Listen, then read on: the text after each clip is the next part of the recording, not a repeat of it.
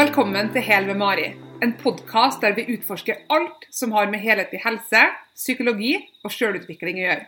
Mitt ønske er at du gjennom denne podkasten får motivasjon, kunnskap og inspirasjon til å bli bedre kjent med deg sjøl. Hele deg. Bli med hver uke når vi snakker med dyktige og inspirerende personer som på hver sin måte berører temaene helhetlig helse, psykologi og sjølutvikling. Jeg gleder meg masse til å lære med deg. Dagens gjest er Oddrun Solberg. Oddrun Solberg er psykologspesialist hos Modum Bad, som bl.a. tilbyr forskningsbasert behandling av psykiske lidelser.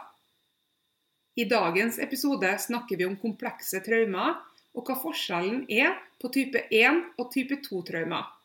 Bli med oss på en lærerik og håpfull episode hvor Oddrun på en fin og komfortabel måte forklarer oss hva komplekse traumer er, hvordan det kan oppstå, og hvordan det kan påvirke livene våre. Oddrun Solberg, hjertelig velkommen til Ja. podkasten Hel med Mari. Takk skal du ha. Du er psykologspesialist, og du jobber hos Modum Bad. Og du jobber også på um, avdeling for traumelidelser og kurs- og kompetansesenteret. Mm, det er riktig. Dagens tematikk er komplekse traumer. Hva det er, hvordan det påvirker oss, og hvordan vi potensielt kan helbrede fra komplekse traumer. Men før vi beveger oss der, så ønsker jeg bare litt nysgjerrig på din historie. Eh, fra teologi til psykologi. Kan du fortelle litt kort om den reisa?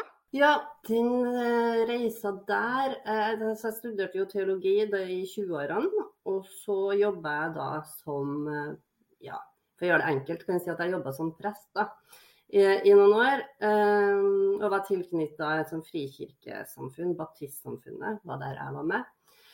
Og så vokste vel fram en litt mer sånn lyst til å kunne gjøre litt, sånn- litt andre ting. At jeg syns at den der presteoppgaven var litt sånn eh, var litt smal for meg.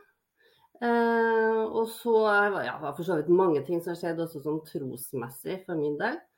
Eh, og så skjønte jeg at egentlig det jeg har lyst til å gjøre, er jo å kunne snakke med mennesker, hjelpe mennesker på et eller annet vis til å få det bedre. Eh, og så da var jeg jo blitt ganske voksen. Da var jeg vel 30, over 30. Hadde to barn og hus og lån og alt det der, så jeg tenkte at det går ut.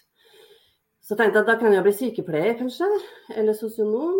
Så prøvde jeg å få lyst til det, og så fikk jeg det ikke helt til. Jeg er veldig dårlig på blod og sånn, sånn at jeg hadde vært en elendig sykepleier. Um, ja, og så, så møtte jeg vel ei som studerte psykologi, og som sparka meg litt i rumpa. Og så bare satt jeg i gang, rett og slett. Eh, Så da gjorde jeg det, siden av barn og alt det der. Så jeg var veldig glad for at jeg ikke helt visste hva jeg gikk til, faktisk, da jeg gjorde det. Men det, og da var det jo også det her å være Jeg var vel absolutt eldst på kullet mitt. Så da måtte jeg jo Jeg fikk litt alderskrise da. Eh, Jeg gikk bare sammen med, med 20-åringer og følte meg som ei gammel kjerring. Men eh, det var kjempefint. Jeg er veldig glad for at jeg, for at jeg gjorde det. Eh, Så det oppfører jeg Det er ikke for sent, selv om man er over 30. eh, Og, og, Det var min 30-årskrise, tror jeg, rett og slett. Det var litt storyen bak det. Det liksom, du vet, man blir 30, og da kommer man jo dit at hva, hva har jeg blitt, da? Liksom, hvor er jeg hen? Skal jeg holde på med dette resten av livet? Og da fant jeg ut at jeg ikke ville være prest, i hvert fall.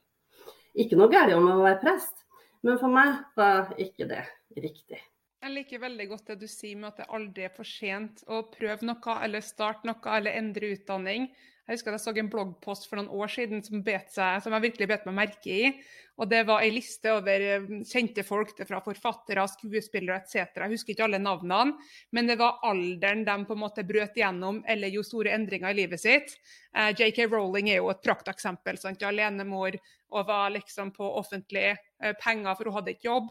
Og så plutselig, det var jo ikke plutselig, hun fikk jo x antall nei på Harry Potter-bøkene for, før et forlag faktisk sa ja til hennes bøker. Og det var en rekke med skuespillere, musikere, forfattere, og at de var både 30, 40 og 50 før de fikk sin første rolle eller første gjennombrudd. Og det å på en måte tørre å være tro mot seg sjøl, følge magefølelsen, eh, også hvis det er motsatt av det man kanskje har starta på, den tror jeg er kjempeviktig. Ja, jeg har jo lært litt av det. Det, det å tørre å bryte ut av noe man faktisk har starta på. Og så når vi snakker om det, så kommer jeg på en ting som jeg for så vidt kan si. Um, for jeg, i det her liksom, det å være prest, da, eller jeg har også vokst opp i, i, i kristen familie og liksom vært veldig sånn dedikert kristen gjennom ungdomstida mi og unge voksne-tida mi. Og det var kjempefint. Eh, og jeg er ikke noe, apropos traumatisert, ikke noe traumatisert av det.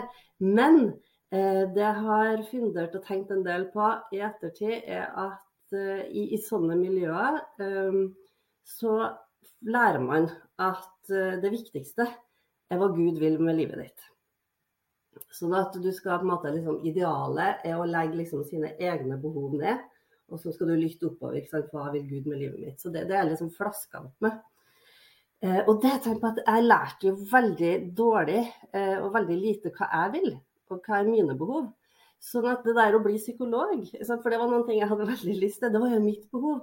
Så det var også ganske sånn annerledes enn det jeg hadde lært da, kan du si, gjennom livet. Kjempeviktig. Um, så det er nok en sånn, også en litt sånn kritikk uh, og en litt sånn, jeg vet ikke, litt sånn bekymring faktisk jeg kan ha uh, i en del, til en sånn, del sånne kristne miljøer. Altså at man ganske, kan bli ganske dårlig på å bli kjent med seg sjøl og hva man sjøl vil, fordi det er Guds vilje som er det viktigste. Da. Ja, fikk jeg sagt det òg. Husker du noe fra studiet? Hadde du en sånn her åpenbaring i løpet av studiet? For du, du blir jo eksponert til veldig mye faglitteratur som kanskje gjør at hjernen bare Du vet den emojien som hjernen eksploderer.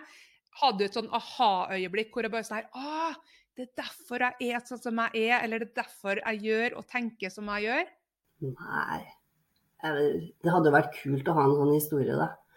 Men, eh, men, det har jeg ikke. Jeg tror jeg husker best eh, Nå hadde jo jeg små barn da jeg studerte. Sånn at da vi hadde utviklingspsykologi og lærte om barns utvikling, så husker jeg gikk ut og inn av å bli skikkelig stressa over alt jeg hadde gjort feil. Og eh, glad for at jeg hadde gjort noe rett. det, mer, det, det kan jeg skrive. Jeg tror ikke jeg hadde noe sånn veldig veldig aha-opplevelse. Altså. Jeg syns bare det generelt egentlig var spennende. Det utfordra nok meg I starten så utfordra det meg en del på det med troen min også. Det, det gjorde det. Mm, så at jeg på en måte kunne ha andre forklaringsmodeller da, på det, noen, en del av de tingene jeg hadde opplevd i livet eh, fram til da, eh, enn en hva jeg hadde hatt, liksom. At man kunne forklare mer med psykologiske modeller enn åndelige. da. Det, det var veldig nyttig. Veldig fint. Apropos det med eh, foreldre-barn-relasjoner. Det er jo egentlig en ganske naturlig overgang til dagens tema, som er komplekse traumer. Kan du fortelle hva er komplekse traumer? Det kan jeg forklare. Da Først så tror jeg at jeg har lyst til å si litt om hva er et traume. Vi må begynne litt der, tror jeg. Fordi jeg syns at vi kanskje lefler litt med det begrepet, da eller lefler, altså at vi kanskje er litt sånn lettvint med liksom, at det var så traumatisk når vi møter noen ting som er vanskelig. Men et traume, det er en overveldende hendelse som truer liv og helse. Så det er ganske voldsomt. Sant? Det er noe mer enn at liksom, det var en eh, At jeg ikke fikk til eksamen. Det er ikke traumatisk. Men sant? det er en voldsom hendelse som, bare, som kommer veldig plutselig, og, så, og som truer liv, livet mitt, eller truer helsa mi. Eh, og så skiller vi veldig ofte mellom det som vi kaller da, type 1-traumer og type 2-traumer. Det er ikke så viktig hva det heter, men det er sånn, poenget er at type 1-traumer det er sånn enkelthendelser, enkelttraumer. Det kan jo være f.eks. Eh, naturkatastrofe, det er ikke så veldig lenge siden her det var oppe i Lofoten hvor det var noen hytter som blåste på sjøen. Ehm, det regna jeg med var ganske traumatisk for dem som opplevde det. Det var jo potensielt livstruende. Det kan jo være eh, oppleve en voldtekt. Det kan være å bli slått ned på byen brutalt. Altså det kan være, men det er en enkelthendelse som skjer meg. Så har vi det som heter type 2-traumer. Og det karakteriseres av at da, da opplever jeg flere traumer. Ikke, bare, ikke bare ett, men det er flere, og det er gjentagende. Det skjer flere ganger. Og de kan også både være tilfeldige. Du kan også tenke um, en svær naturkatastrofe uh, som utløser liksom, fattigdom, som utløser krig, at man lever veldig lenge over. Det blir gjentagende flere ting. Eller vi kan tenke, og det er det vi skal snakke litt om i dag, da. Eh, det vi kan kalle for relasjonelle traumer. Som kan handle om omsorgssvikt. Eh, det kan være fysisk omsorgssvikt. Det kan være emosjonell omsorgssvikt. Det kan være det å oppleve vold. Fysisk vold, psykisk vold. Eh, seksuelle overgrep. Og poenget her da, er at det vi ser, er at da skjer det flere, ofte er det flere av dem, kanskje både omsorgssvikt, både det eh, og vold og seksuelle overgrep. ikke sant? Og så skjer de gang etter gang etter gang. Det er sånn klassisk eh, type 2-traume. Og når vi da kommer inn på det med kompleks PTSD, så er det eh, de aller fleste med kompleks PTSD har nettopp det i bagasjen. Den type traumer. Og det som karakteriserer det òg, er at det er menneskeskapt. Det er noen andre mennesker som har utsatt meg for disse tingene. Eh, og så skjer det i en sårbar del av livet. Barndom, oppvekst, hvor vi er sårbare, eh, hvor vi ikke kan klare oss sjøl, hvor vi er avhengig av andre. Uh, og vi skal utvikle oss. Vi har en del utviklingsoppgaver, da, sånn psykologisk sett og fysisk sett også, uh, som det da går utover. Så det er det som ligger i bånn veldig ofte da, for, uh, komplekse, for komplekse traumer. Og jeg syns vel også at jeg ser at det, det, er veldig ofte at det er fravær av noe som skulle ha vært der. Når vi er små, så skal vi få trygghet. Sant? Vi skal få omsorg, vi skal få kjærlighet. Vi skal få, vi skal få muligheten til å utvikle oss. Så hvis vi blir, vi blir fratatt det, og så er tilstedeværelse av noe som ikke skulle vært der, altså tilstedeværelse av vold f.eks., av, av seksuelt misbruk, det er noe som barn ikke, eller ingen skal oppleve. Så denne kombinasjonen av fraværet av det som burde ha vært der, skulle ha vært der, tilstedeværelse av noe som absolutt ikke skulle vært der. Det blir en ganske dårlig kombo, og gir jo dårlige kår for god utvikling. Så det er i alle fall det vi ser som ligger til grunn for å kunne utvikle en kompleks PTSD. Så det er kanskje greit å si at det er jo Nå snakker vi kompleks PTSD, eh, og så har vi jo vanlig enkel eh, PTSD også. Eh, og kanskje greit å si noe om sånn, den PTSD-diagnosen. eller sånn det, ja, Vi begynte å snakke om det. Det var jo etter Vietnamkrigen, hvor det kom hjem eh, folk eh, altså kom hjem soldater fra krigen. Og så la meg merke til at de hadde veldig sånne rare eh, reaksjoner. At liksom plutselig så skvatt de, og så så ut som de bare ble i sin egen verden og sulla. De så litt sånn koko ut. Så, så, så liksom, det var mange som hadde det der, så begynte man å undersøke. ikke sant? Og så fant man at de hadde det som vi kaller for flashbacks. Eh, så det var et eller annet lyd eller noe sånt som trigga, og så var det akkurat som de var tilbake på, på slagmarken. da. Og så undersøkte man det her mer med, for OK, dette er PTSD. Så da brukte vi den forståelsen, også for mennesker som hadde opplevd andre ting, ikke bare krig. Men så så man jo etter hvert at ah, det er noen mennesker vi får inn i klinikken som ikke dekkes helt av den PTSD-forståelsen. Det er noe mer her. Eh, og det er da vi snakker om mennesker som har blitt utsatt for akkurat de traumene som, som er nevnt nå. Da. Eh, og da har man kommet at okay, vi, må en, vi, må egen, vi, må forstå dem på en annen måte. Og må, da må vi ha en annen diagnose som heter kompleks PTSD. Så det, sant, PTSD, da har du opplevd en, enkelt, en enkelthendelse, enkelttraume. Mens kompleks PTSD, da har du den der gjentagende traumene, eh, ofte flere som, som eh, over tid. Eh, så vi kan komme tilbake til det, da, liksom forskjellen på det og, og, og, hva det vil si. Eh, og så er det faktisk ganske nytt. Eh, kompleks PTSD har akkurat blitt en diagnose i den amerikanske diagnosemanualen. Eh, rett rundt hjørnet for det vi bruker her i Norge. Vi venter bare på å få den. Men det har tatt lang tid, og vi har jo drevet og beskrevet det her i mange, mange år, egentlig. Mm. Det sier litt om eh, ja, det sier noe om byråkrati, selvfølgelig, på det, men det, men det betyr også at ikke vi ikke har hatt så mye forskning på det. det nå begynner det å komme ganske mye, men, men det har vært fordi forskning på hva vi kan forske på, henger også sammen med hvilke diagnoser vi har. Da. Så et sånn relativt nytt begrep. Da. Men ikke nytt fenomen, for å si det sånn. Nei. Dessverre. Jeg leste, lest i en bok eh, Pete Walker eh, sin bok som heter 'Komplekse traumer', eller på engelsk 'Complex Trauma from um, Surviving to Thriving'. Eh, han er en amerikansk psykolog, og han snakka også til det med definisjonen komplekse traumer, eller CPTSD som de kaller det. da. Har den vært i den amerikanske manualen for diagnoser, så mente han at det er veldig mange som har kommet og falt under den terminologien kontra andre typer diagnoser folk har fått, potensielt feile diagnoser folk har fått, nettopp fordi at den diagnosen eller terminologien ikke tidligere har eksistert i den manualen. Jo, jeg er enig med henne i det, og det ser vi jo. Um, har jo masse eksempler på det. Har jo mange, mange pasienter som har blitt ja, feildiagnostisert da, gjennom årene. Typisk, altså, typisk eksempel på det kvinne 60, 50-60, som alltid, eller i hvert fall i mange, mange år har slitt.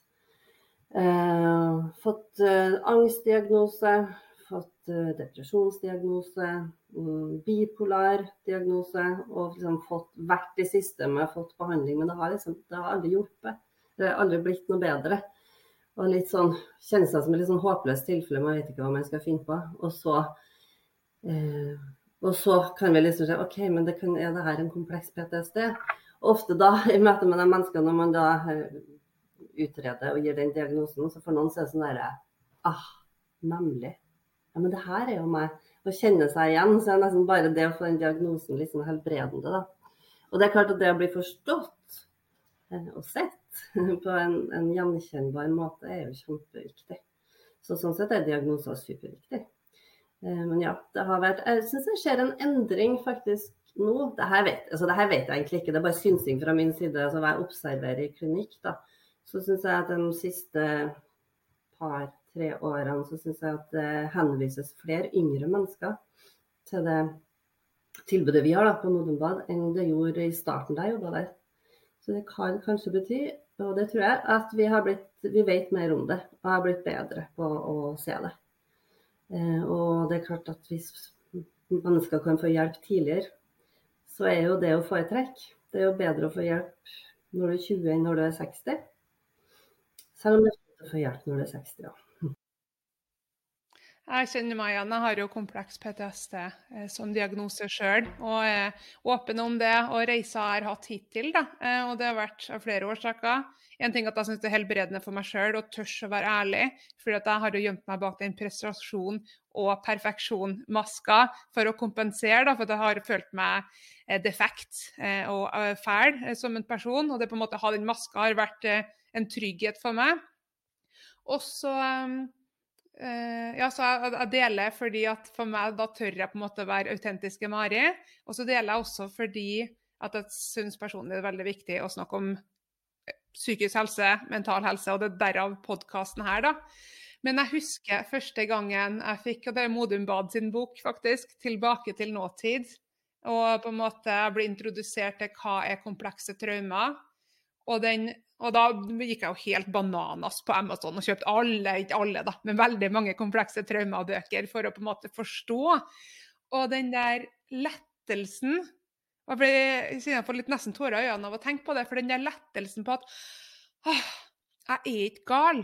Jeg er ikke ødelagt det her er, og det kommer jeg tilbake til, det er noe som jeg synes er fantastisk, og det er et mantra jeg vet at dere og du også sier, normal oppførsel på unormale hendelser. Og det å få det i sort-hvitt, og forstå hvorfor man har reagert sånn som man har reagert, hvorfor man tenker sånn som man tenker, For min del så var det veldig frigjørende.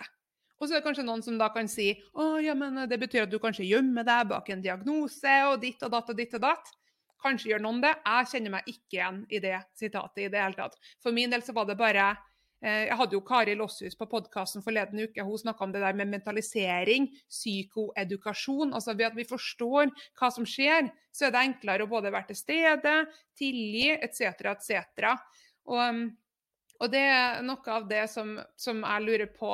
Er det noe du snakka om differansen på posttraumatisk stressyndrom, PTSD og komplekse traumer. Er det noen senskader man kan kalle det, er, kalle det eller karaktertrekk, som er differanser? For dem som vokste opp f.eks. med komplekse traumer kontra en enkelthendelse, hva er typisk senskader? Ja, det er det absolutt. Og det er et svært, svært tema. Men det er det. Um, jeg, har bare lyst til å si at For det syns jeg er litt viktig å si òg, før jeg sier det. Er jo at man kan jo sant, oppleve traumatiske hendelser, både enkelthendelser og flere, uten at man får en lidelse. Sant? Det går også an. eh, sånn at det er ikke sånn at alle som opplever traumatiske ting, får en diagnose eller en lidelse eller trenger behandling. Men en god del gjør det. Og noe av det handler om muligheten til å reagere når ting skjer. sant? Eh, fordi at uansett når vi mennesker opplever traumatiske hendelser, så er det jo normalt å reagere. ikke sant? Du er inne på det. Normale reaksjoner på unormale hendelser. Det er helt normalt. Eh, og, vi, og, vi kommer til å være satt altså veldig vanlig å være satt ut på et eller annet vis ikke sant? og ikke fungere så godt i en tid når vi har opplevd, over en tid når vi har opplevd traumatiske ting. Hvis, og hvis vi da får muligheten til faktisk å reagere, sant? at vi eller blir hørt, blir trodd, hva det nå skulle være, så er det jo større sjanse for at det kan bearbeides av seg sjøl. Eh, og da, da, går det på en måte over, det, eller da blir jo det et kapittel i livet eh, så, som nok helt sikkert står ut, men som allikevel ikke plager meg. Men det er jo når jeg ikke får muligheten til å reagere, eller når ingen tror på det jeg sier, det bare blir dyssa ned. ikke sant? Sånn at alle reaksjonene bare må ja, enten eh, inn her, bare gå inn her, eller jeg utagerer det. Hva, hva noe som blir min greie. da. Er da det kan bli en, en lidelse. Uh, mm. Så det er liksom litt viktig å si det òg. Uh, eh, og så kom jeg på en ting til akkurat fordi at man, når vi opplever sånne når vi opplever traumatiske hendelser, så kan vi jo reagere på veldig forskjellige måter. Eh, og, eh, men det er kanskje spesielt liksom, to sånne ytterpunkt. da. Eh, og det ene, det var det jeg var inne på nå. Den ene måten er å ta alt innover seg. Bare inn, sant. Bare ned, ned. Snakke ikke om det. Det er min skyld. Kan vi komme tilbake til sikkert å snakke mye mer om. Noen får det sånn. Andre blir kjempesinte. Eh, utagere eh, kanskje gjentar noen av de samme traumene man har blitt utsatt for. Så det er liksom det å ta det innover eller ta det utover. Eh, og da må jeg si, si, at de menneskene jeg jobber med når jeg snakker om det her, så er min erfaring er å møte de menneskene som tar det innover. Eh, jeg tenker at de som tar det ut i utagering, kan vi sikkert finne en del i fengsel bl.a. Og der har ikke jeg jobba. Eh, så det har jeg ikke så mye erfaring med. Men det er bare litt greit vite. Det er, det er komplekst. sånn at det, er jo, det bildet er også større enn hva nok jeg greier å snakke om i dag. Men når det kommer til Er det noen generasjonelle differanser der, hvis du ser på, bare tenker på egne foreldre og besteforeldre, og man hadde kanskje et samfunn hvor ting ja, Du skal ikke snakke om det, man skal ikke snakke høyt om ting ble dyssa ned. Har vi noen Har vi generasjoner som strever med traumer på ulike måter.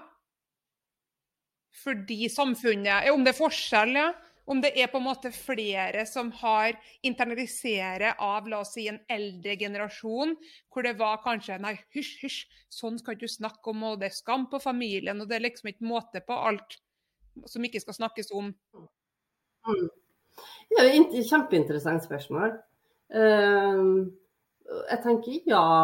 Eh, det, det her, Nå bare syns jeg. Eller sånn. Eh, men eh, jeg vil jo tenke at det absolutt er et viktig aspekt, da, akkurat det du peker på.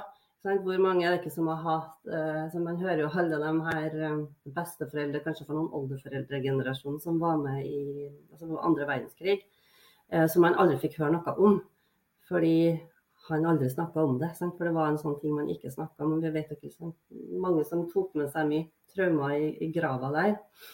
Og klart at det må jo, det, det, jo, det, må jo gjøre en forskjell, det. Eh, Sammenligna med den kulturen vi lever i nå, hvor vi snakker mer åpent om det. Så det tror jeg absolutt.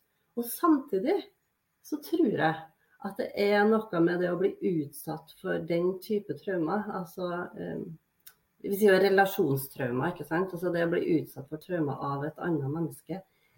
Det gjør et eller annet med veldig mange mennesker. Altså at det påfører skam. Så uansett om vi lever i et mer åpent samfunn da, hvor vi snakker om ting, så er den skammen så utrolig sterk og hemmende. Og som gjør at vi ikke snakker om det. Så jeg tenker både ja og nei. Men hvis hvordan man blir møtt rett etter en traumehendelse er så vesentlig på hvorvidt eller hvor sterke senvirkninger man har. Hva kan man da gjøre som la oss si forelder for eksempel, eller foresatte, pårørende eller som et samfunn? Hva er det vi kan gjøre i møte med, med traumehendelser for å prøve å redusere sjansen på at individet får seg en skade? Ja, det gode gamle snakk om det, da. ja, lage noe rom for faktisk å prate om det, ikke skamme. Eh, som jeg tror vi driver på med veldig mye nå, da. Ehm, det gjøres jo utrolig mye bra jobb, og sånn traumefokusert eh, jobb blant barn og unge eh, i Norge i dag. Sånn at jeg tror nok Nå hadde man jo også akkurat var det NKVT som hadde som har en sånn kampanje nå om å snakke om psykisk vold, så jeg, hvor de bruker TikTok, hvor de liksom ja, Eh, de har vel kobla seg på en eller annen sånn, blogger og sånn, eh, og snakker åpent om det. Og, og, hvor det også er informasjon hvor du kan ringe dit og dit. Liksom. Og det gjør det der mer åpent. da. Så, så sånne ting eh, tenker jeg er kjempeviktig. Eh, både det for å opplyse og vite liksom, hva er det for noe. For det er jo det når man blir utsatt for noe, man skjønner jo ikke helt hva det er.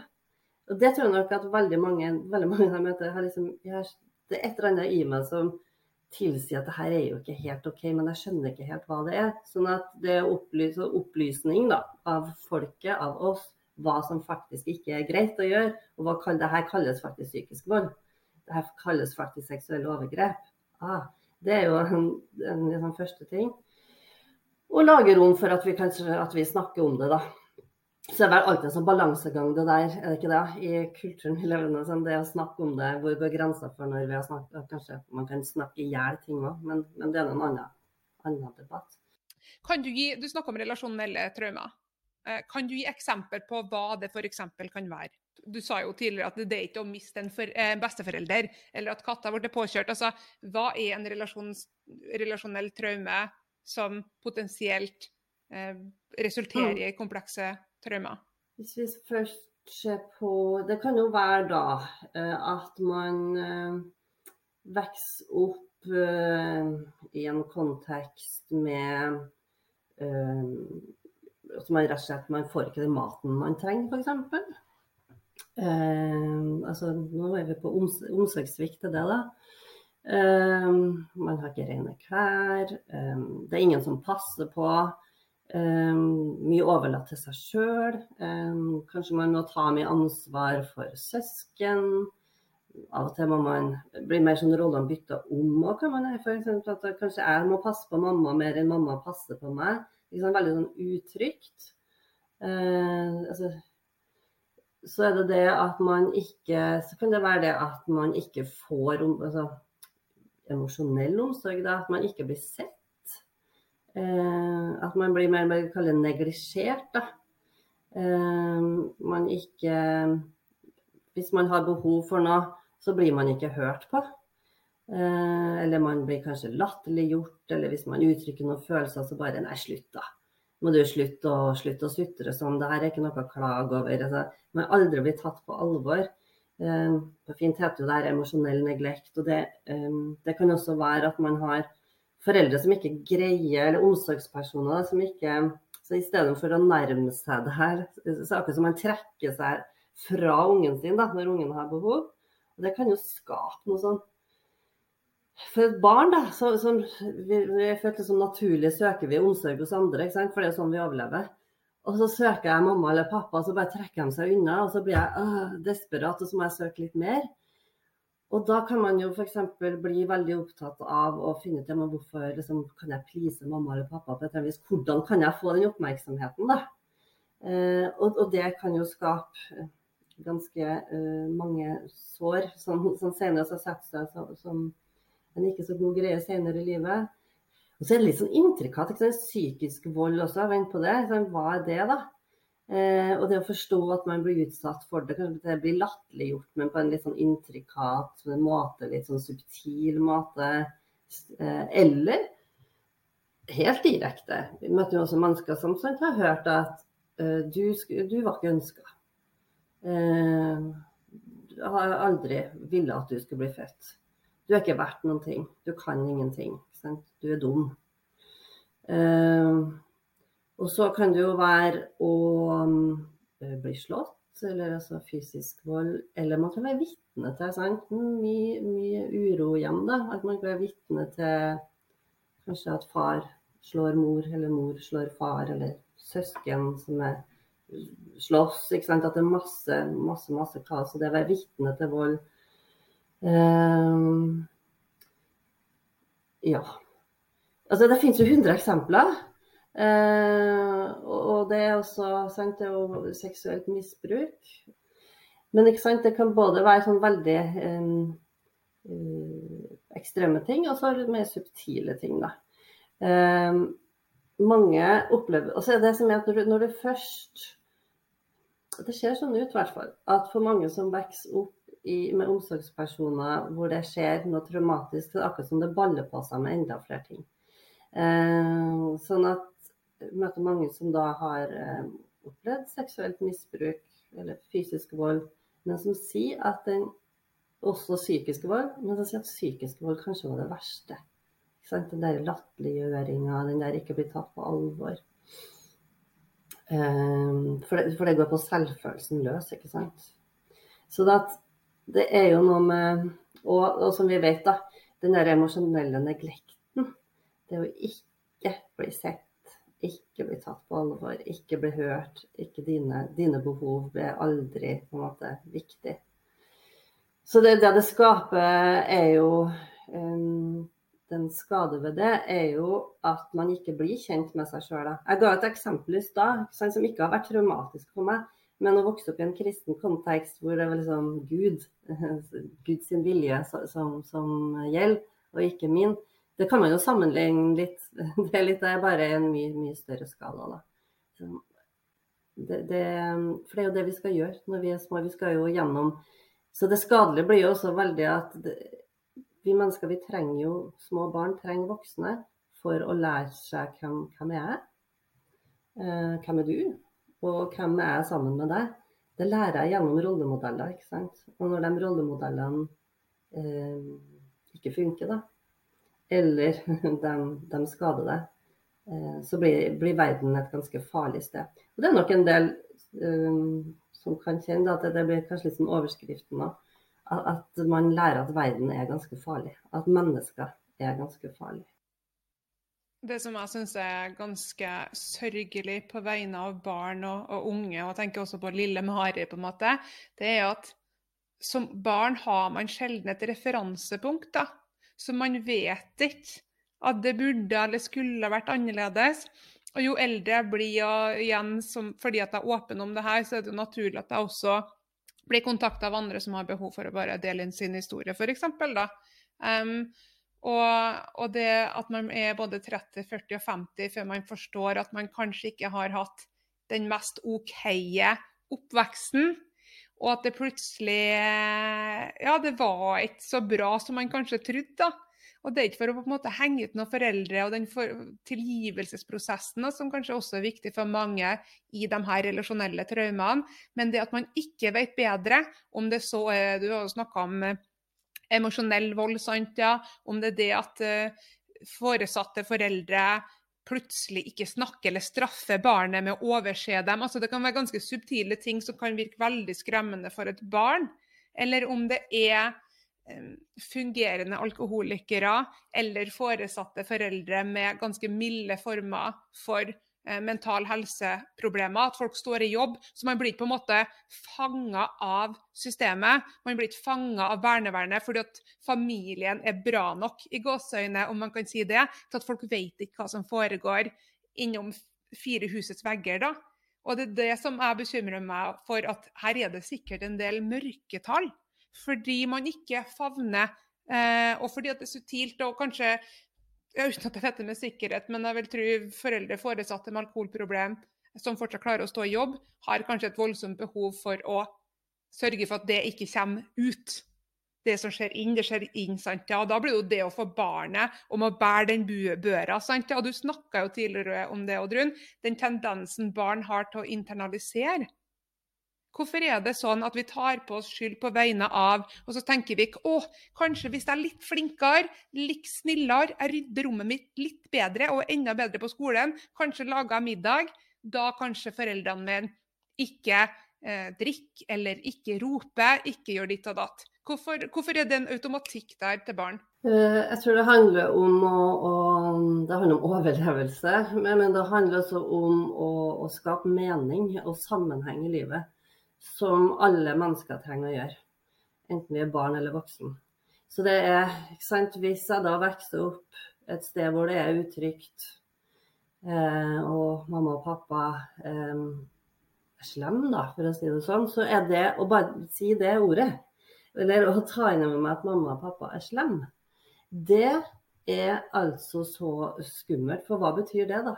Hvis de er, og det er de eneste menneskene jeg har å forholde meg til. Eh, jeg kan ikke ta kofferten min eh, og flytte. Jeg er et lite barn. Jeg er avhengig av dem her.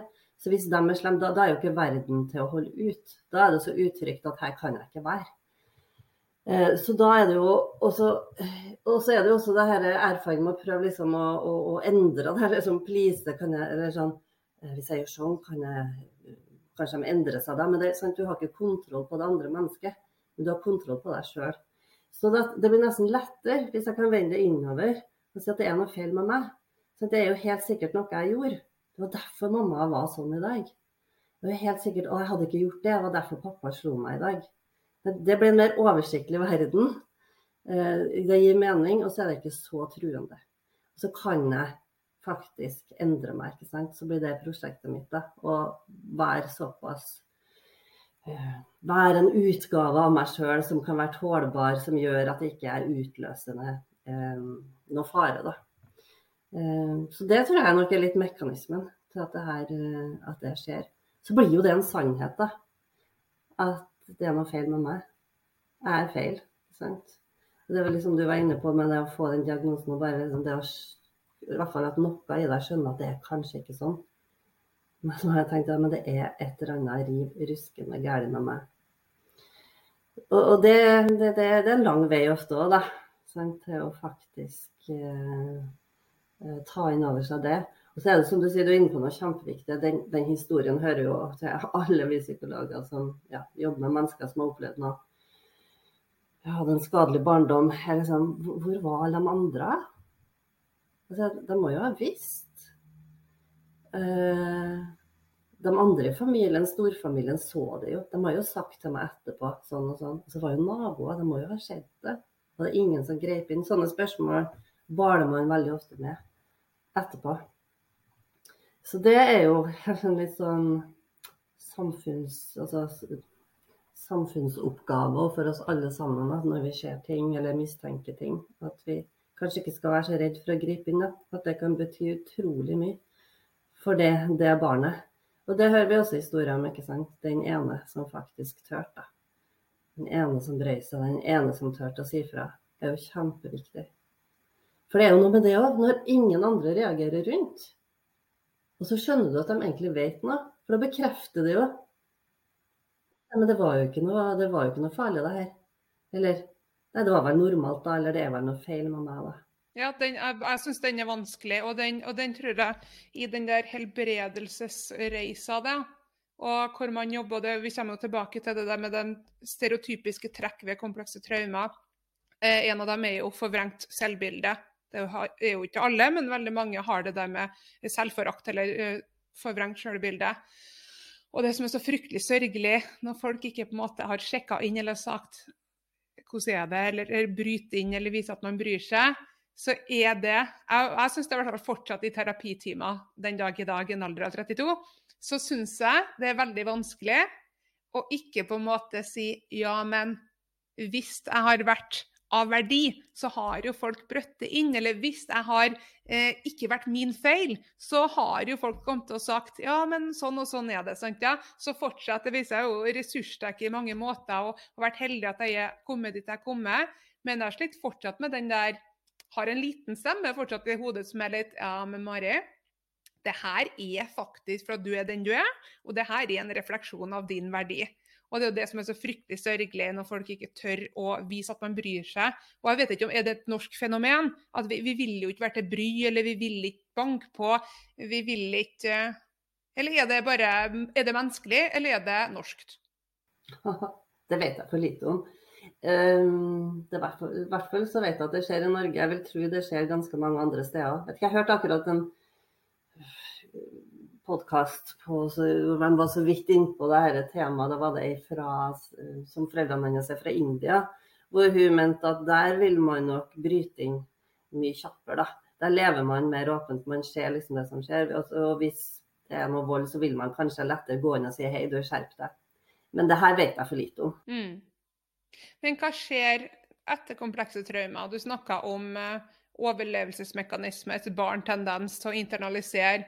Hva er det som egentlig skjer? Hvordan påvirker komplekse traumer hjernen og nervesystemet? Det ene den gjør, da. Og nå, når jeg snakker med hjernen, så må jeg huske på at jeg er psykolog og ikke lege. skulle jeg si. Ikke, og for å forstå det her, så må jeg også forholde meg til det på en ganske sånn enkel måte. Så det går an å det, det, er jo veldig komplekst, det som skjer i hjernen. Men jeg tenker at vi får, det går an å snakke om det på en litt enkel måte, så det velger jeg å gjøre, da. Jeg tenker sånn at uh, det som skjer i hjernen uh, Hvis det først da skjer når vi opplever det som er traumatisk, så skjer det jo noe i hjernen. ikke sant? Da, da, er det sånn at det fyrer løs i det her, Vi har et sånn faresenter, så sånn røykvarsler liksom, som går av når det er noe farlig som skjer. Så da fyrer det der. Og så eh, kan man tenke at da, da stenges veien liksom, til tenkehjernen. Det er veldig effektivt opplegg. da, Hver gang vi opplever fare, skal det stenge seg, bare så vi kan handle veldig effektivt. Så er det liksom bare følelseshjernen som ligger her, instinkthjernen bak der. Zup! Der går det noen signaler, og så går blodet ut liksom til ytterligheten av armer og fetter, og så pupillene åpne, og så er det liksom what to do. Da er vi på den fight, flight, freeze, som de fleste jo kjenner. Så vi kan handle og overleve.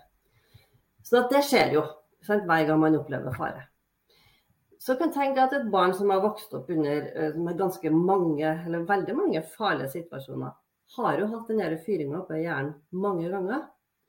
Eh, og så har vi også et veldig effektivt system i hjernen som gjør at hvis jeg har opplevd noe som er farlig, Eh, så lagrer det seg også som et minne her. Så når jeg opplever noe som ligner på det, det, som var farlig, så fyrer det her med en gang. Det er veldig lurt. Kjempeeffektivt. Jeg tenker liksom ikke å holde på å tenke så mye hele tida. Bare det var farlig. Ikke sant? Den typiske eksempelet, da, hvis vi gjør mer sånn ufarlig, er jo at jeg blir bitt av en hund. Og så, eh, og det var jo veldig ubehagelig, og det var farlig. Eh, og så neste gang jeg ser en hund, så blir jeg redd med en gang. Den hunden har aldri bitt meg. Det var ikke den rasen engang, men den hunden. ikke sant? Så sånn fungerer jo uh, hjernen vår, som er veldig lurt. Og så kan vi tenke til sånn barn som har opplevd det her. da. Her har det fyra mye fare, masse minner. sant? Masse fareminner oppi den hjernen. Så blir vi voksen uh, eller eldre, og så kan jeg jo da f.eks. Uh, ja, la oss si at jeg ser et menneske da, som minner meg veldig om en som har uh, gjort overgrep på meg. Det kan være noe med utseendet, det kan være noe med ansiktsmimikken. Det kan være noe med den følelsen som det mennesket får meg til liksom, å få. Huske, hjernen husker. Zoom! Så fare, fare, fare.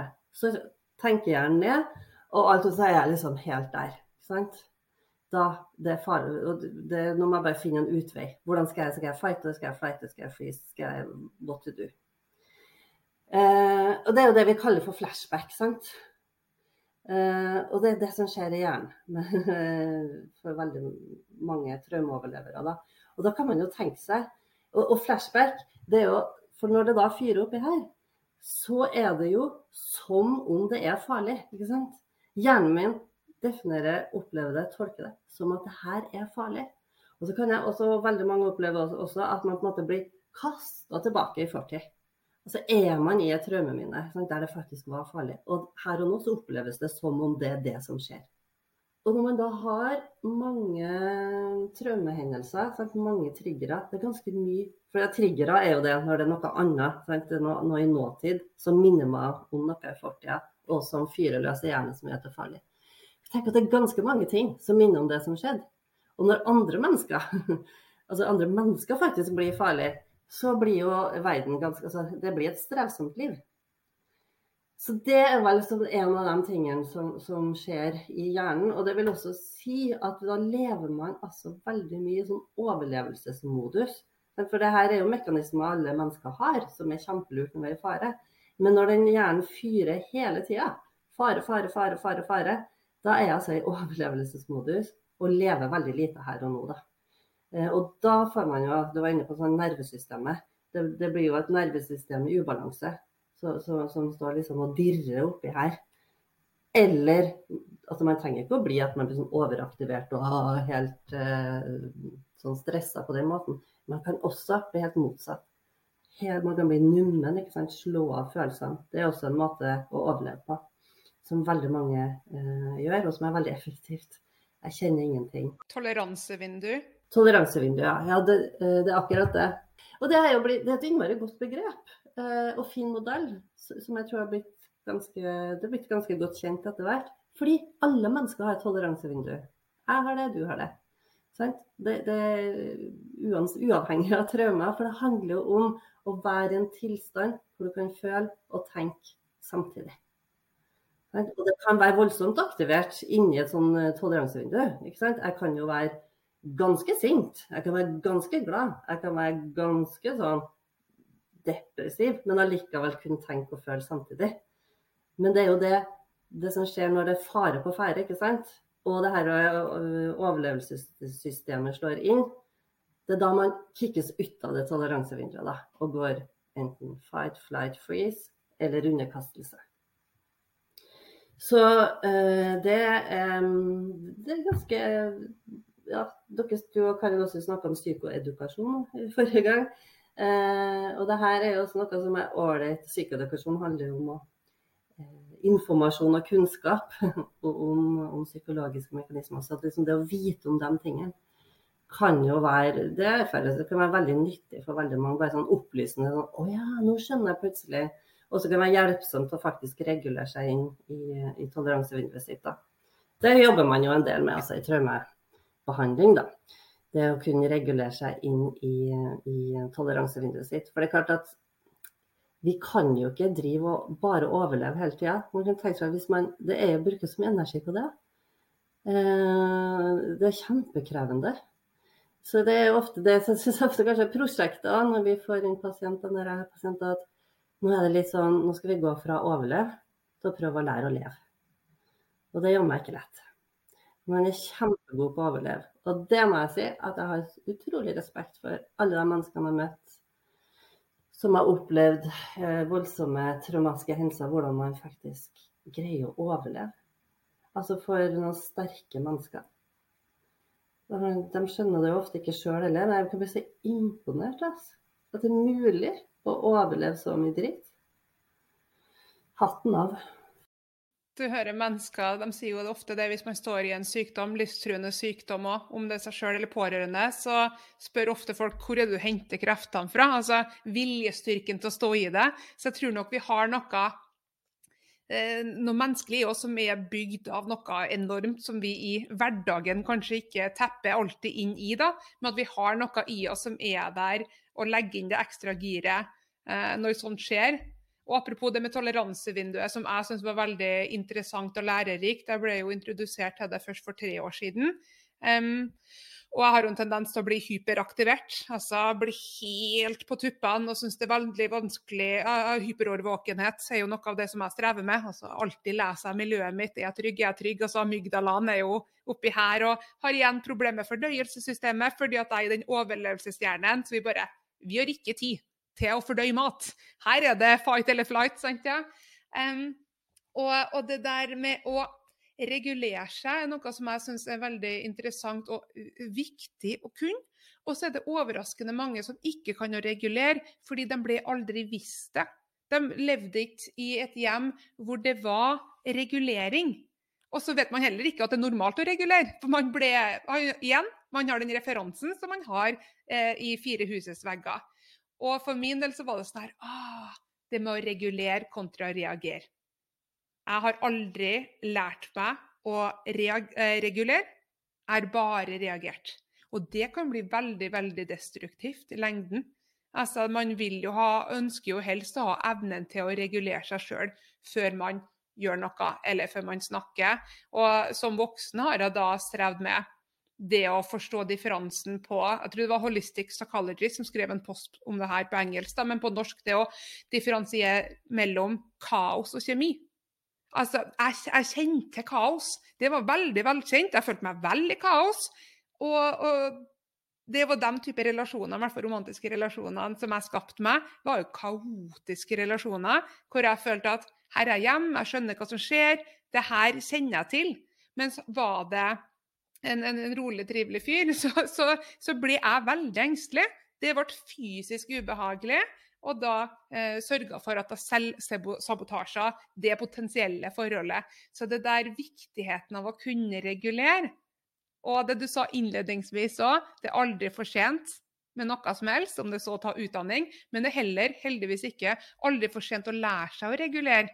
Fordi at man først kjenner oi, nå er jeg faktisk overstimulert, jeg er overaktivert, jeg er enten redd eller sint. Det å på en måte ta den her OK, ta meg Jeg går, Jeg, jeg fjerner meg fra situasjonen, eller det å forstå at OK, nå skal ikke jeg ta en beslutning fordi at jeg er ikke i toleransevinduet mitt. Jeg må finne på noe annet. Kjempeviktig. Du, ja, det er veldig gjenkjennbart. Jeg, bare, jeg sitter og nikker for hardt. det er veldig gjenkjennbart, det, det du, du, snakker om. Og så, og så, ble jeg jo litt sånn For jeg ble litt nysgjerrig når du sier det òg. Liksom, hvordan Ja, jeg vet ikke om du vil si noe om det, men, men liksom, hvordan du du regulerer deg, da. For det er jo veldig noe, sånn, du, sier, du er jo sånn som kan bli overaktivert, liksom. Hyper. For hva er det, hva som funker for deg? Jeg, jeg jobber med det ennå. Jeg syns det er veldig fryktelig vanskelig. Jeg har et prakteksempel som jeg bruker å si, det, for min samboer syns det er greit at jeg sier det. Og jeg leser jo da ansiktsuttrykk. Det er hyperårvåkenhet, og jeg leser alle sitt ansiktsuttrykk. Min samboer og hele hans familie er født sånn. Altså, de myser. De, de, de har resting bitch face fra en annen verden. Og for noen da, som leser ansiktsuttrykk, så er det der utrolig skummelt i mitt hode. Det er ikke skummelt. Jeg skjønner at jeg, mitt liv ikke står i fare, men det føles fysiologisk ut som om mitt liv står i fare. Og fortsatt så er ikke jeg i mål med å klare å kunne regulere meg. Så ofte som jeg spør er du sint, er det noe som har skjedd, og som min kjære da Steve sier, Mari vet du, Det blir etter ti år, og du spør er du sint. Er det noe som skjer? 100 ganger om dagen i ti år. Vi må øve på en annen måte. For at han, og altså kudos til han og hva han har stått i med at han gir meg rom og raushet ofte, men har han en trasig dag på jobb Han er jo et menneske, sant? ja? Og av og til så er det siste du vil, i at noen er oppi ansiktet ditt og overanalyserer at du sitter sånn. Og han kan jo tenke på sånn Hvorfor har vi tid her? Altså, Det trenger ikke å være noe farlig i det hele tatt. sant ja? Og, og hadde et eksempel hvor jeg skulle øve på det her. Det er jo noen hjemmeleksene jeg har fått fra både psykolog i Norge og Australia. Det er på en måte OK. Med mindre det er fare, men er du hjemme i huset og det er kun Steve som sitter og chiller og spekulerer på livet og myser, eller krummer øyenbrynene, eh, fjern deg fra at du ikke trenger å se på det, men bare øve deg på å ikke spørre er det noe galt. For han har jo sagt, Mari, vi, vi, skal gifte oss til, til desember. Jeg skal si fra. Jeg lover at jeg sier det. Hvis det er noe galt, ha tillit til meg. Da, da sier jeg Mari det er noe som jeg syns lugger. Og jeg ble hyperaktivert. Og jeg kjenner det ved at jeg føler en uro kribling i kroppen. Og hjertet eh, øker, da. Hjerterytmen øker og blir litt sånn kortpusta. Og går da inn på badet og begynner å rydde f.eks. i skapet da, for å ha noe å gjøre. Og, sånn, og trangen til å spørre er det noe galt, er så enorm. Men jeg bare OK, jeg skal øve meg, jeg skal øve meg. Og så rydder litt og sulle der i sju-åtte minutter. Og så kommer han inn på badet, og så klemmer han meg, og så sier han, vet du Jeg er så glad for at vi bor sammen. Og det har han ligget og tenkt på. Altså, det er jo helt motsatt av den krisetenkingen som jeg har vært i. Altså, det bare setter ting på spissen på Her har jeg gått faktisk og hadde vært fysiologisk uvel. Og han har bare ligget og fundert på livet og faktisk følt til og med på takknemlighet. Men han myser, og det at, gjør at jeg syns det er veldig vanskelig å eksistere. Så, så jeg syns jo det der med å det å eksistere hver dag syns jeg er blitt litt vanskelig. Jeg er jo redd for menn, jeg har jo snakka om det, at jeg har hatt eh, flere seksuelle overgrep. da. Så jeg har jo jobba, det skjedde jo når jeg var 12 eh, og 13. Og, og de trekkene til vedkommende jobba jeg med i mange år for å ikke bli redd. Altså, vanskelig å ta buss.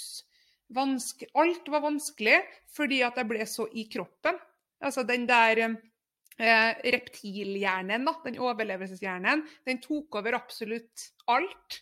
Så det med på en måte øve på å komme i tenkehjernen og være rasjonell ok, Mest sannsynligvis så skjer ikke det her nå, men det er for å være helt ærlig, veldig lang forklaring og drøm på spørsmålet ditt. Men jeg øver fortsatt på det, ikke i mål, mål når det kommer til eh, det å få til å være i toleransevinduet på sånne småting, om man kan kalle det det. Eh, ja, og så er det jo ikke småting.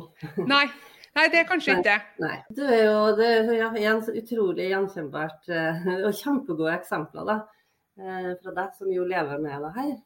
Og så tenker jeg at ja, kudos til, til kjæresten din, men, men, kudos til deg òg.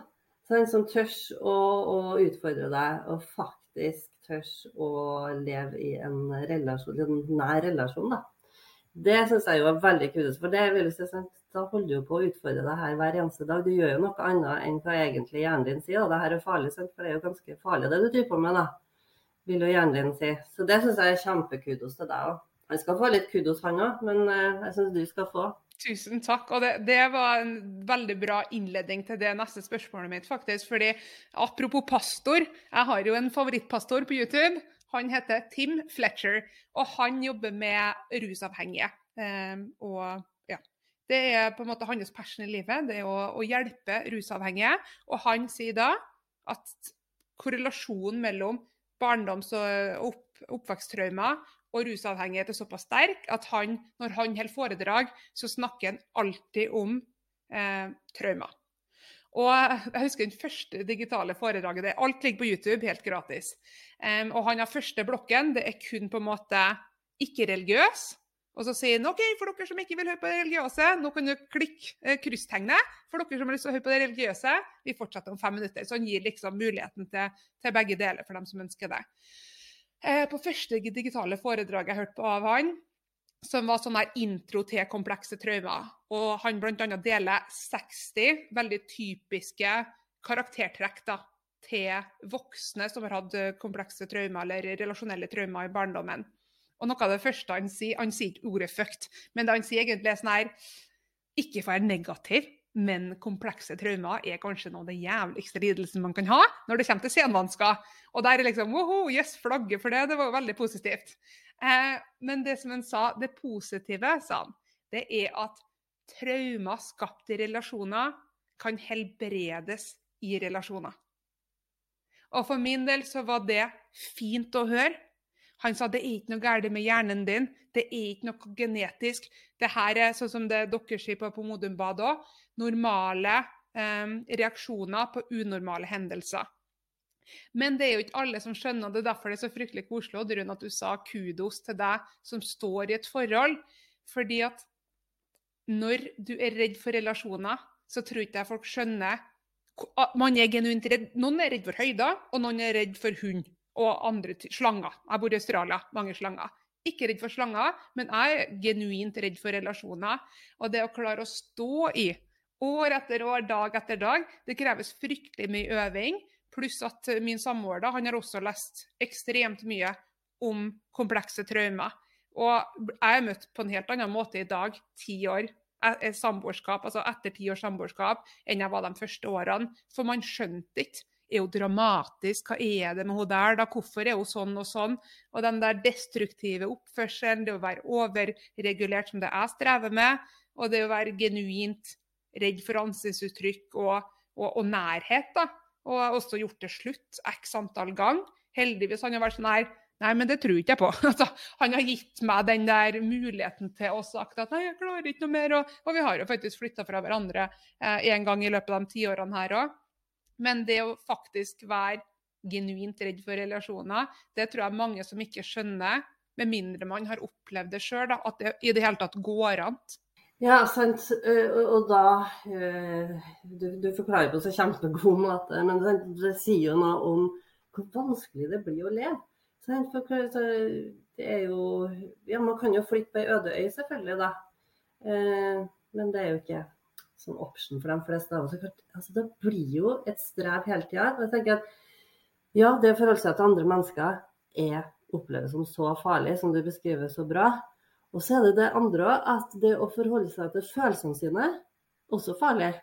Hvis det blir vanskelig både å forholde seg til andre mennesker og følelsene sine For det er veldig mange også som kjenner at liksom det, når jeg kjenner på en følelse, det blir som en trigger. Da er det som det er farlig.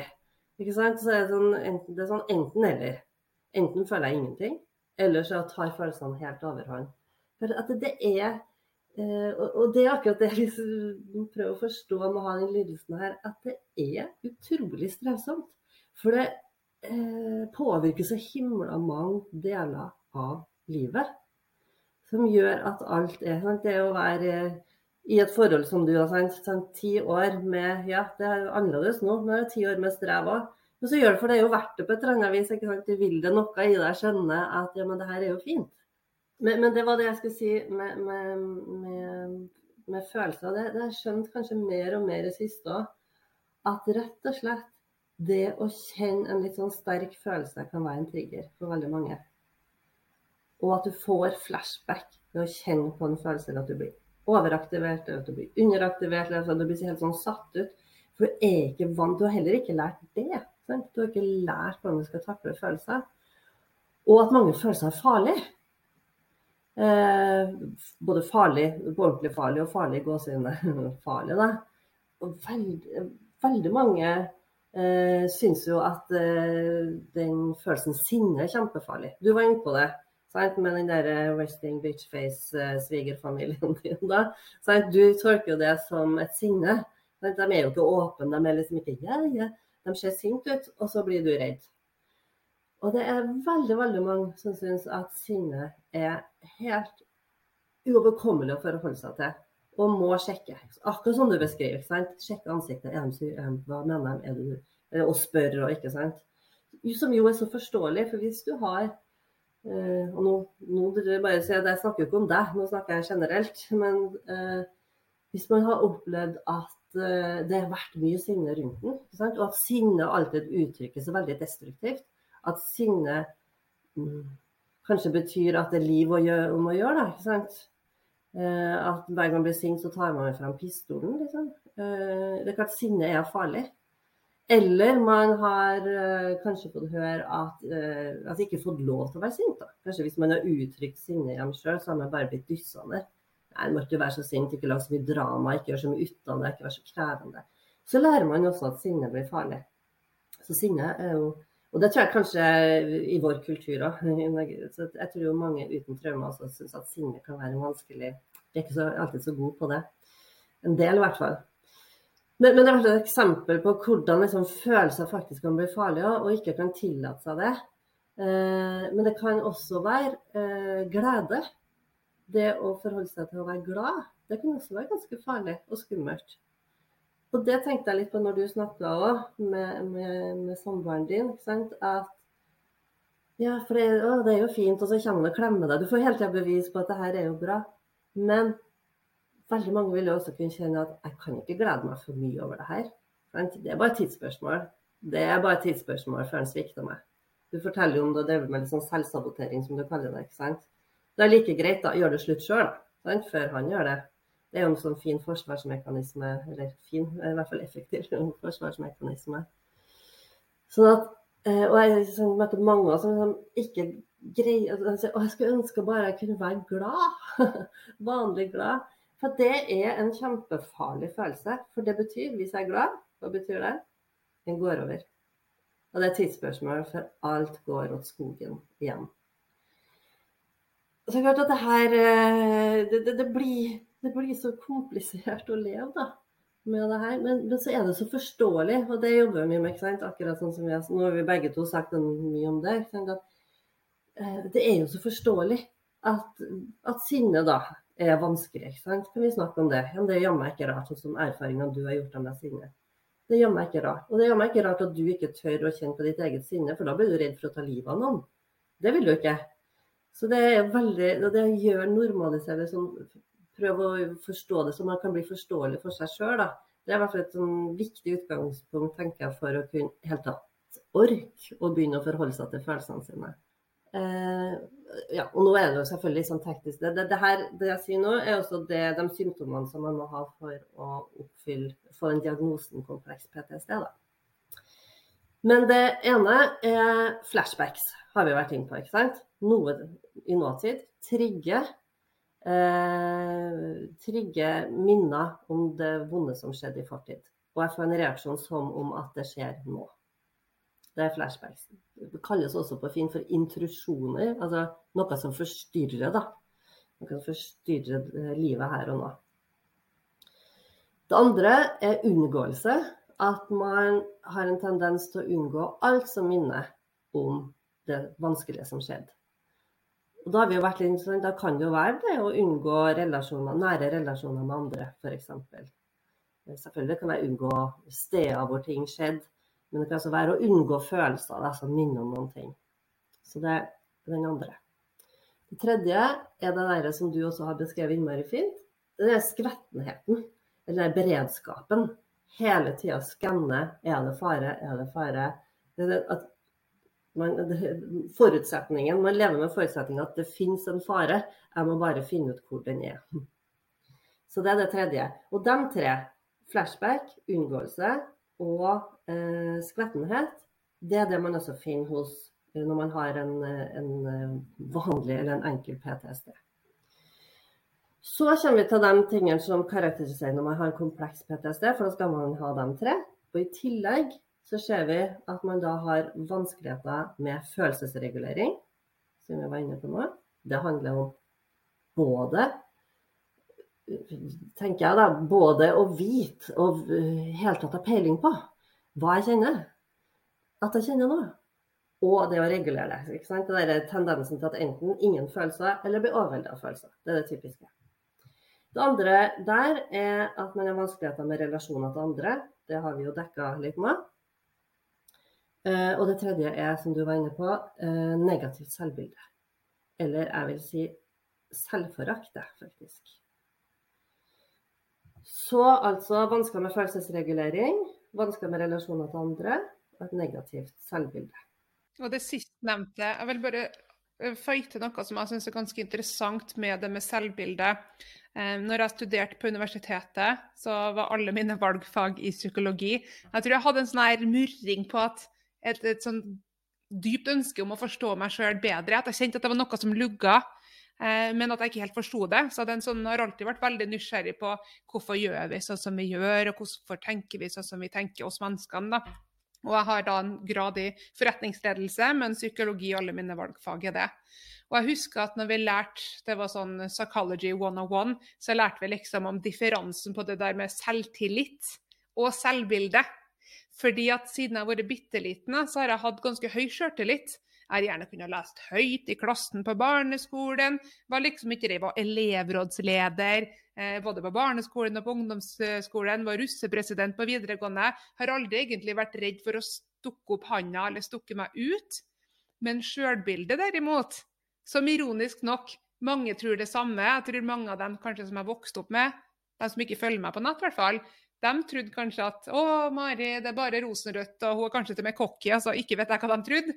Men altså, den sjølforakten, det var en periode i livet mitt hvor jeg ikke kunne speile. Altså, jeg kunne ikke se meg sjøl, for da fikk jeg lyst til å knuse speilet. Jeg, når jeg var yngre, jeg slo meg sjøl i ansiktet for at det hatet og det sinnet som jeg hadde mot meg sjøl, var så enormt. Så det å gå til, til mm, frisøren f.eks. som ungdom var veldig veldig vanskelig. Da gikk jeg litt i kjelleren etterpå. For da måtte jeg jo sitte sånn her da, og se meg sjøl i øynene i hvert fall en time.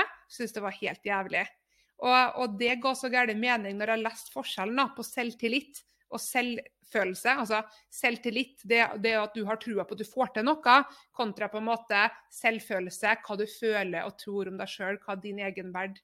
Um, for der er helt sånn Sjøltilliten var der, og selvbildet her. Og det er noe jeg sakte, men sikkert jobber med at Mari er verdifull bare av å eksistere, og alt det der mantraene der, som jeg fortsatt jobber med å prøve å forstå og, og akseptere. da. Mens, uh, ja, for jeg har på en måte ikke trodd at jeg kunne hatt et dårlig sjølbilde. For sjøltilliten var så bra. Hvordan kan jeg slite, jeg som utadvendt og, og tør å snakke høyt i klassen? Så det der, det der går på forståelse igjen av, av seg sjøl. Det er kjempeviktig, det du sier. Og viktig forskjell, og det er jo akkurat det. Og da er du også inne på det der som eh, skjer ikke blant alle, men, men, en god del av pasientene våre. Eh, det er at det er jo veldig mange som jo får til innmari mye. Ikke sant? Altså, man kan ha en så skadelig barndom som bare det, og så er det akkurat som man liksom Så er man god på å overleve, da, ikke sant? Og så får øh, får man til ikke sant? Man går på skole, man får gode karakterer, man får seg gode jobber, man får seg mann og barn eller kone og barn. og liksom, altså, Litt det der du beskriver, da. At sånn, det så, ser så bra ut. Sånn, alt det her kan man få til. Eh, og så, det, så, kan man leve ganske mm, mange, i hvert fall, kaller det som tilsynelatende greie liv. Og uten å kanskje helt innse sjøl òg at det er noe annet på innsida. Eh, men så er det litt sånn at etter noen år så er det som om Jeg vet ikke om det er riktig å si at akkurat som om fortida innhenter deg, men i hvert fall er det en del som opplever etter å ha bitt hendene sammen og holdt på og fått det veldig bra. Så akkurat som om det ikke går lenger, da, så kan man erfare en sånn skikkelig fall i funksjonen. Sånn skikkelig pang. Møte veggen, det er jo noe uttrykk vi ofte bruker. ikke sant? Og, og som blir mer enn den der møte veggen-utbrenthet. Men hvor det liksom bare OK, nå funker det ikke mer. Og så må jeg på en måte ta tak i hva, hva var det her for noe. Så kommer all den kjennelsen som du har vært inne på. Liksom, ja, men jeg trodde jo at barndommen min var ganske grei. Jeg, jeg, jeg visste ikke noe annet. Det, det, var det jeg var vant til. Så skjønner jeg at nei, her har det skjedd noen ting jeg ikke har hatt kontakt med, som har gjort noe med meg, som jeg må ta tak i. Jeg bare ble litt minnet på det når du sa det. Så for noen er det, det, det, det er et mønster jeg kan se hos ganske mange. Eh, og så er det noen som ikke har det. Så er det noen som på en måte ikke kommer så langt. Altså at uh, den skadelige barndommen, den ligger der hele tida som en sånn hemsko. da at man kommer seg ikke ut i, i, Man får ikke til skolen, ikke sant. Man får ikke til, man får ikke noen gode karakterer. Man får seg ikke jobb. Man blir på en måte værende der. Og, og bare veldig Begge deler er kjempeslitsomt. Det er bare liksom forskjellige måter, da. Og så tenkte jeg på uh, for en ting kanskje man skal si noen ting om Jeg, tenker, ikke vi skal snakke masse om det, men, men, men bare, uh, det er jo noe som heter dissosiasjon. Uh, som er et litt sånn vanskelig begrep. Men jeg tror vi må bare si noe om at vi, snakker, vi, kommer ikke utenom det når vi snakker om komplekse traumelidelser, at de aller fleste med kompleks PTSD også har noe dissosiasjon. Da kan man Og så kommer den i ulike varianter eller ulike styrkegrader, hva man skal kalle det. Men basically så handler det jo om å koble seg litt fra. ikke sant? Koble seg fra uh, her og nå. Uh, det som skjer for en del, er jo f.eks. i en overgrepssituasjon eller når man opplever fysisk vold, som at det er, det, er så, det er, så, smertefullt å være til stede. Det er akkurat som om man melder seg ut. Kan man ha en opplevelse av at akkurat man forlater kroppen sin. og At man kan observere seg sjøl fra utsida. At nå skjer det noe med meg, men jeg føler ingenting, for jeg har meldt meg ut. Det er jo en innmari viktig overlevelse. Eh, og det der kan jo bli en sånn strategi Jeg tror en strategi eh, kanskje flere kan kjenne igjen som ikke har hatt eh, helt sånn traumatiske hendelser. Altså den derre evnen til å numme oss ut og melde oss ut. noen av oss kan ha det. Men så det, blir det kanskje litt sånn mønster, blir også et sånn mønster sant, som kan følge meg gjennom livet. da, At jeg melder meg ut. Det er som om jeg bare kikker på meg sjøl utafra. Verden er litt diffus, jeg er litt diffus, jeg vet ikke helt hvem jeg er. Og så bare si kort om den andre, liksom, hvis man har en dissosiativ lidelse, da. At uh, da blir det på en måte enda mer intenst. Og da kan det også ha vært sånn at jeg har opplevd sånn så smertefulle, grusomme ting som jeg ikke kan forholde meg til at har skjedd. Akkurat som jeg systemet mitt kapsler inn den historien og legger den til side på en måte. Så akkurat som den liksom ikke Det angår ikke meg. Og det må jeg gjøre da, for kanskje å kunne gå på skolen. ikke sant? Og så vil det kanskje være flere sånne ting, sånne historier som jeg kapsler inn. Og så begynner de nesten å leve sine egne liv, og så vet de ikke om hverandre. Og så går jeg ut i verden, så har jeg ikke kontakt med alt det her. Og da eh, kan det jo bli Da kan det jo virke som om et menneske som har flere personligheter. Det har, det har man ikke. Men har, man har forskjellige deler som, som, lever litt hver sitt eget liv og kan være redd for forskjellige ting. Da blir det veldig komplisert. Eh, men det er også en veldig logikk i det der. Kjempelogikk hvorfor man utvikler det. Og en enormt sterk, eh, effektiv overlevelsesstrategi. Men det er bare greit å vite at det kan også skje. Eh, og det går det også an å få behandling for, da. Du nevnte mønster. Det virker som det er ganske typisk at overlevelsesmekanismer fra, fra barn og oppvekst, barndom og oppvekst til, har en tendens til å bli til mønster som voksne. Og litt sånn avslutningsvis hvordan, hvordan, hvor, hvor starter vi med å helbrede det her? Eh, jeg leste ene komplekse traumeboka mi. Eh, så var en eksempel det var fra terapirommet. De er selvfølgelig anonymisert. Eh, men forfatter og doktoren, psykologen, brukte eksempler fra terapirommet sitt. Og ene var en Jeg husker ikke om det var kvinne eller mann, men var i hvert fall på sin femte skilsmisse. Og da kom og sa ja, kanskje er det noe med meg denne gangen vel, når det her skjer.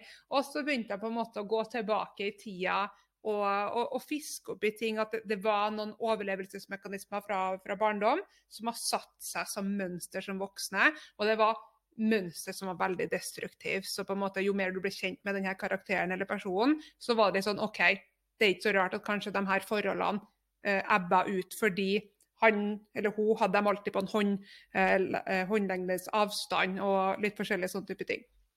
Men poenget mitt for dette spørsmålet var at destruktive mønster, som i utgangspunktet handler om overlevelsesmekanismer som vi i en tid hadde faktisk behov for. Og så tar vi dem med oss i ryggsekken på livets reise, og etter hvert så blir de her destruktive mønster. Hvor starter vi hen for å jobbe med å gi slipp på de her mønstrene? For det, som, det blir jo nesten som en del av deg. altså Det er så integrated i hvordan du opererer. Da. At, jeg syns at sånne mønster kan være veldig vanskelig å bli kvitt. Hvor starter man igjen? Jeg tror man eh, må starte med bevisstgjøring. Ja, da. Altså bli klar over det. Litt sånn som du beskriver fra den boka der. Men det Altså ja, nå skal jeg sitere uh, en fra Modum Bad, uh, grunnleggeren av Modum Bad, Gordon Jonsson. Håper jeg sitter en riktig. Det vi er bevisst på, kan vi gjøre noe med. Det jeg ikke er bevisst på, kan gjøre noen ting med meg. Så det er jo noen ting med å starte der. Eh, og forstå hvorfor. Altså, prøv å altså, Finn de her mønstrene sine, da. Finn, jeg jeg syns bruksanvisning er litt godt ord òg. Jeg har liksom fått en bruksanvisning. Lært meg en bruksanvisning gjennom livet og de erfaringene der som, som ikke er så hensiktsmessige da, å bruke nå. Så rett og slett liksom, bli kjent med den bruksanvisninga. Hvordan ser den egentlig ut? Og hva handler det om? For da har jeg iallfall et utgangspunkt for å kunne eh, endre den. Eventuelt få hjelp til å endre den. Er det de her eh, det sitatet 'normale reaksjoner på unormale hendelser', er det det dere mener også med de potensielle mønstrene vi tar med oss? Mm, ja. ja. for da er jo for det, jeg tenker også det å anerkjenne da, eh, de tingene som jeg har drevet med for å overleve. Hvis det var det å, å, å, å ruse meg, da. Um, eller det å spise eller ikke spise, eller hva det nå skulle være. Uh, så å anerkjenne at det var kjempeviktig at du gjorde. og det var jo en grunn til at du gjorde det. Det funka, og det var jammen bra at du gjorde det. Men så funker det ikke lenger nå. Ikke sant? Det funker for å overleve, men det funker ikke for å leve. Og der blir jo normale reaksjoner på unormale hendelser. Så det er kjempeviktig å anerkjenne folk sitt forsøk på eh, å overleve. Men så er det jo sant, så skal vi videre, det er jo det du vil her nå. Hvordan endre det. Men jeg tror vi må inn der, akseptere, anerkjenne det vi har gjort prøve å forstå oss sjøl, kjenne at vi henger på greip, liksom. Eh, for, som en sånn grunnlag da, for å kunne orke å gå inn i det endringsarbeidet. For endring er skitvanskelig. Endring er veldig mulig, men det er krevende. Og det er skummelt. For da kan jo noe av det endringsarbeidet eh, for å endre mønstrene kan jo være da, eh, å tørre, litt sånn som du driver på med, tørre å være et samboerskap. da Tør å, å, gjøre deg sårbar overfor kjæresten din. Tør å si 'nå er det sånn'. Altså, det er jo kjempevanskelig, og det er jo kjempeskummelt. Fordi frykten ligger jo der. Sant? Det er bruksanvisningen. Han kommer, kommer til å avvise meg. Men så, det, så vet du allikevel noe i det. Jeg vet at det er veien jeg må gå for at jeg skal komme videre. For å endre bruksanvisninga mi. Der har jeg to ting jeg må bare føye til, Oddrun, som jeg syns er veldig spennende på det der. Um, det er et sitat som jeg leste som jeg syns var så kraftfullt, og det var det på engelsk, da. Forgive yourself what you did in survival mode. Tilgi deg sjøl for hva du gjorde når du var i overlevelsesmodus. Og for min del så syns jeg det er veldig helbredende, fordi den sjølsabotasjen, den sjølsabotasjedelen av Mari har ikke alltid vært snill og god. Og det er på en måte det å og når du allerede har forakt for deg sjøl, så kan jo det bare bli helt overveldende hvis jeg begynner å tenke på ting jeg har gjort, f.eks. Og det er ikke for å unnskylde dårlig oppførsel, det er ikke for å unnskylde rusmisbruk for noen. Altså, det er ikke unnskyldende, men det er tilgivende. Og jeg tror den der evnen til å tilgi seg sjøl er ekstremt viktig. Og jeg snakka med Kåre Losshus. Vi, tematikken på episoden der var jo mennesker med, med, med rusproblematikk. sant ja? Og jeg snakka litt om eh, at jeg har vært på yoga Nøsen og fjellhotell, hvor de har gangsteryoga og back in the ring. Og eh, på den yogafestivalen som er årlig, så er det tidligere rusmisbrukere eller tidligere kriminelle som holder innlegg og forteller om sin historie til dit de har kommet i dag. da. Og hvor viktig det er å tilgi seg sjøl. Fordi at tilgir ikke man seg sjøl, så har man den lille sjølhateren som sitter og jatter i øret og sier 'du er sånn og sånn, du har ikke vært en dritt'. Og, ja, og da blir det jo enda vanskeligere, vil jeg tro, å motstå rus eller motstå annen type destruktiv oppførsel. Så tilgi deg sjøl for det du gjorde i overlevelsesmodus. Den syns jeg er veldig helbredende sitat. Og det der noterte meg, det endringsarbeidet som det du sa når det har skjedd traumer i relasjoner, og så begynner man det her arbeidet med å skal helbrede. Endringsarbeid er vanskelig. Men hva med den konfrontasjonen som kanskje sirkelen rundt syns? Om det er storfamilien, nærfamilien, når folk begynner å si, eller stille spørsmålstegn ved oppvekst f.eks. Og så skaper det her plutselig en friksjon i familierelasjonene. Og dette er kanskje også en person som tidligere har syntes det har vært vanskelig med grensesetting, som har hatt utfordring med å verbalisere behov um, og ønsker. Og så nå er de modige og går i behandling og skal øve seg på å sette grenser og si at det her syns ikke jeg har vært helt greit. Og så møter de voldsom motstand fra familie f.eks., eller relasjonen rundt, kan du si da. Hva gjør man da? Nei, det er ikke noe lett svar på. For det er akkurat det. Man risikerer jo relasjonsbrudd sant? ved å ta det opp. Og det er jo det en del som erfarer også. Og her tror jeg det er så mange veier inn i det her. Fordi noen vil jo velge jo ikke å konfrontere familien. Altså ja. Uh, orker det ikke. Uh, vente til folk dør, eller liksom, bare, bare lar det gå. Altså det, at det blir for mye. Det har jeg veldig respekt for at man ikke vil. Så er det noen som velger å konfrontere og står da i, i, i store relasjonsbrudd. Andre kan jo faktisk erfare at det blir en slags heling, da. At de andre faktisk ber om unnskyldning. Så det er veldig kjempevanskelig. Hva gjør man? Jeg vet ikke. Man må finne sin vei, rett og slett. I det. Og, og kjenne hva orker jeg å stå i. Hva blir viktig for meg? Det er jo litt prosessen man er, i, og du er inne på noe så innmari viktig der med grensesetting som naturlig nok er kjempevanskelig. Hvis, man, hvis, man ikke, hvis jeg ikke kjenner følelsene mine, da vet jeg heller ikke hvilke behov jeg har. For det er følelsene våre forteller meg. Hvis jeg ikke vet hvilke behov jeg har, så greier jeg heller ikke å sette noen grenser, for da vet jeg ikke hvor grensa skal gå. Eh, så det spørs jo helt hvor man er sant, i, den, eh, i, den, prosessen. Så det, det, greier jeg ikke å gi deg noe kort, kors. kort Bare anerkjenn at det er skikkelig, skikkelig vanskelig. Og så, det, så hører jeg på en måte ropet av og til òg, fra dem jeg snakker med, at jeg vil ikke miste relasjonen. Hvis jeg sier fra om det her, så vet jeg det blir et relasjonsbrudd. Hun er den eneste jeg har av familie. Jeg vil heller ha den relasjonen jeg vet den er helt dysfunksjonell og håpløs, men jeg vil heller ha den. Den prisen betaler jeg. Ganske sterke krefter i sving, ikke sant. Nei, man må finne sin vei rett og slett. Og jeg tenker jeg skal være veldig forsiktig med å mene noe om hva som er For det er ikke noe som er riktig å gjøre. det. Mm.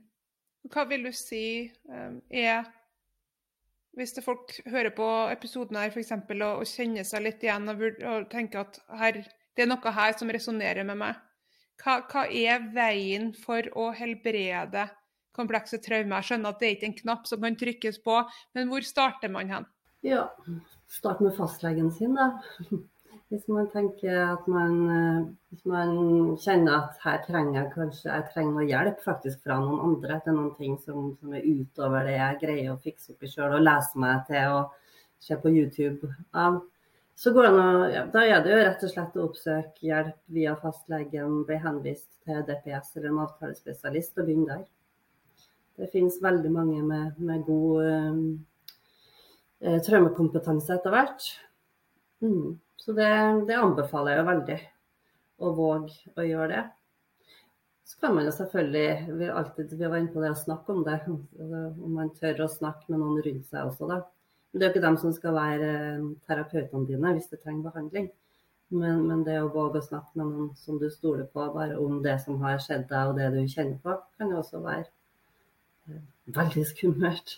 Men kanskje oppleves, muligens også oppleves som ganske fint, da. Men eh, absolutt, søk behandling. Det fins behandling å få. Hva med pårørende? Hva er det beste tipset ditt til pårørende? Vær nysgjerrig, kanskje. Jeg syns du jeg synes, Tenk på det mens du, når du fortalte om samboeren din. For det er så gjenkjennbart.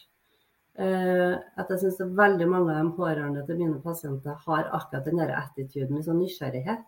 Liksom jeg leser opp, lurer på Eh, hvordan funker det? Hva kan jeg gjøre liksom, for å legge til rette? Og så tenker jeg at pårørende, sånn at Det er en fin egenskap. Og så tenker jeg at pårørende er også viktig at skal få lov å være sine mennesker med sine behov. Og det vil jeg også tenke at traumeoverlevere vil av sine pårørende. For man vil jo ikke være, Det verste man kan tenke, er at nå er han byrde. Og nå skal han hun eh, liksom endre livet sitt pga. meg. Og det er kanskje ikke noe godt eh, for, for, for paret heller, på en måte. da. Så den kombinasjonen der, med å være nysgjerrig, eh, men også ta vare på seg sjøl. Og jeg tror at det kan være ganske fint for traumeoverleveren også å se at han hun greier å ta vare på seg sjøl. Mm, er trygg i seg sjøl. Så det er fint. Ja, og det er mange ting rundt det med å være pårørende, rett og slett. Det finnes jo også noe sånn eh, Nei, nå finnes det kanskje ikke mer, det.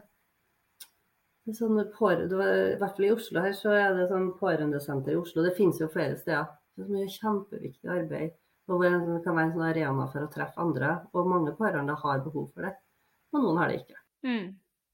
Og pårørende kan jo være så mangt, bare så det er sagt. Jeg har jo brukt min samboer som et eksempel, men jeg har også fått meldinger fra folk som ikke har visst så mye om komplekse traumer, og delt min erfaring av komplekse traumer. Det er jo viktig å anerkjenne at min min, min kompleks PTSD er annerledes enn noen andre sine. Ja, men en, en følger av meg vedkommende sa at en av foreldrene hadde komplekse traumer. og syntes det var så fint at jeg delte. Delt litt bøker og ting jeg har lært ifra. da.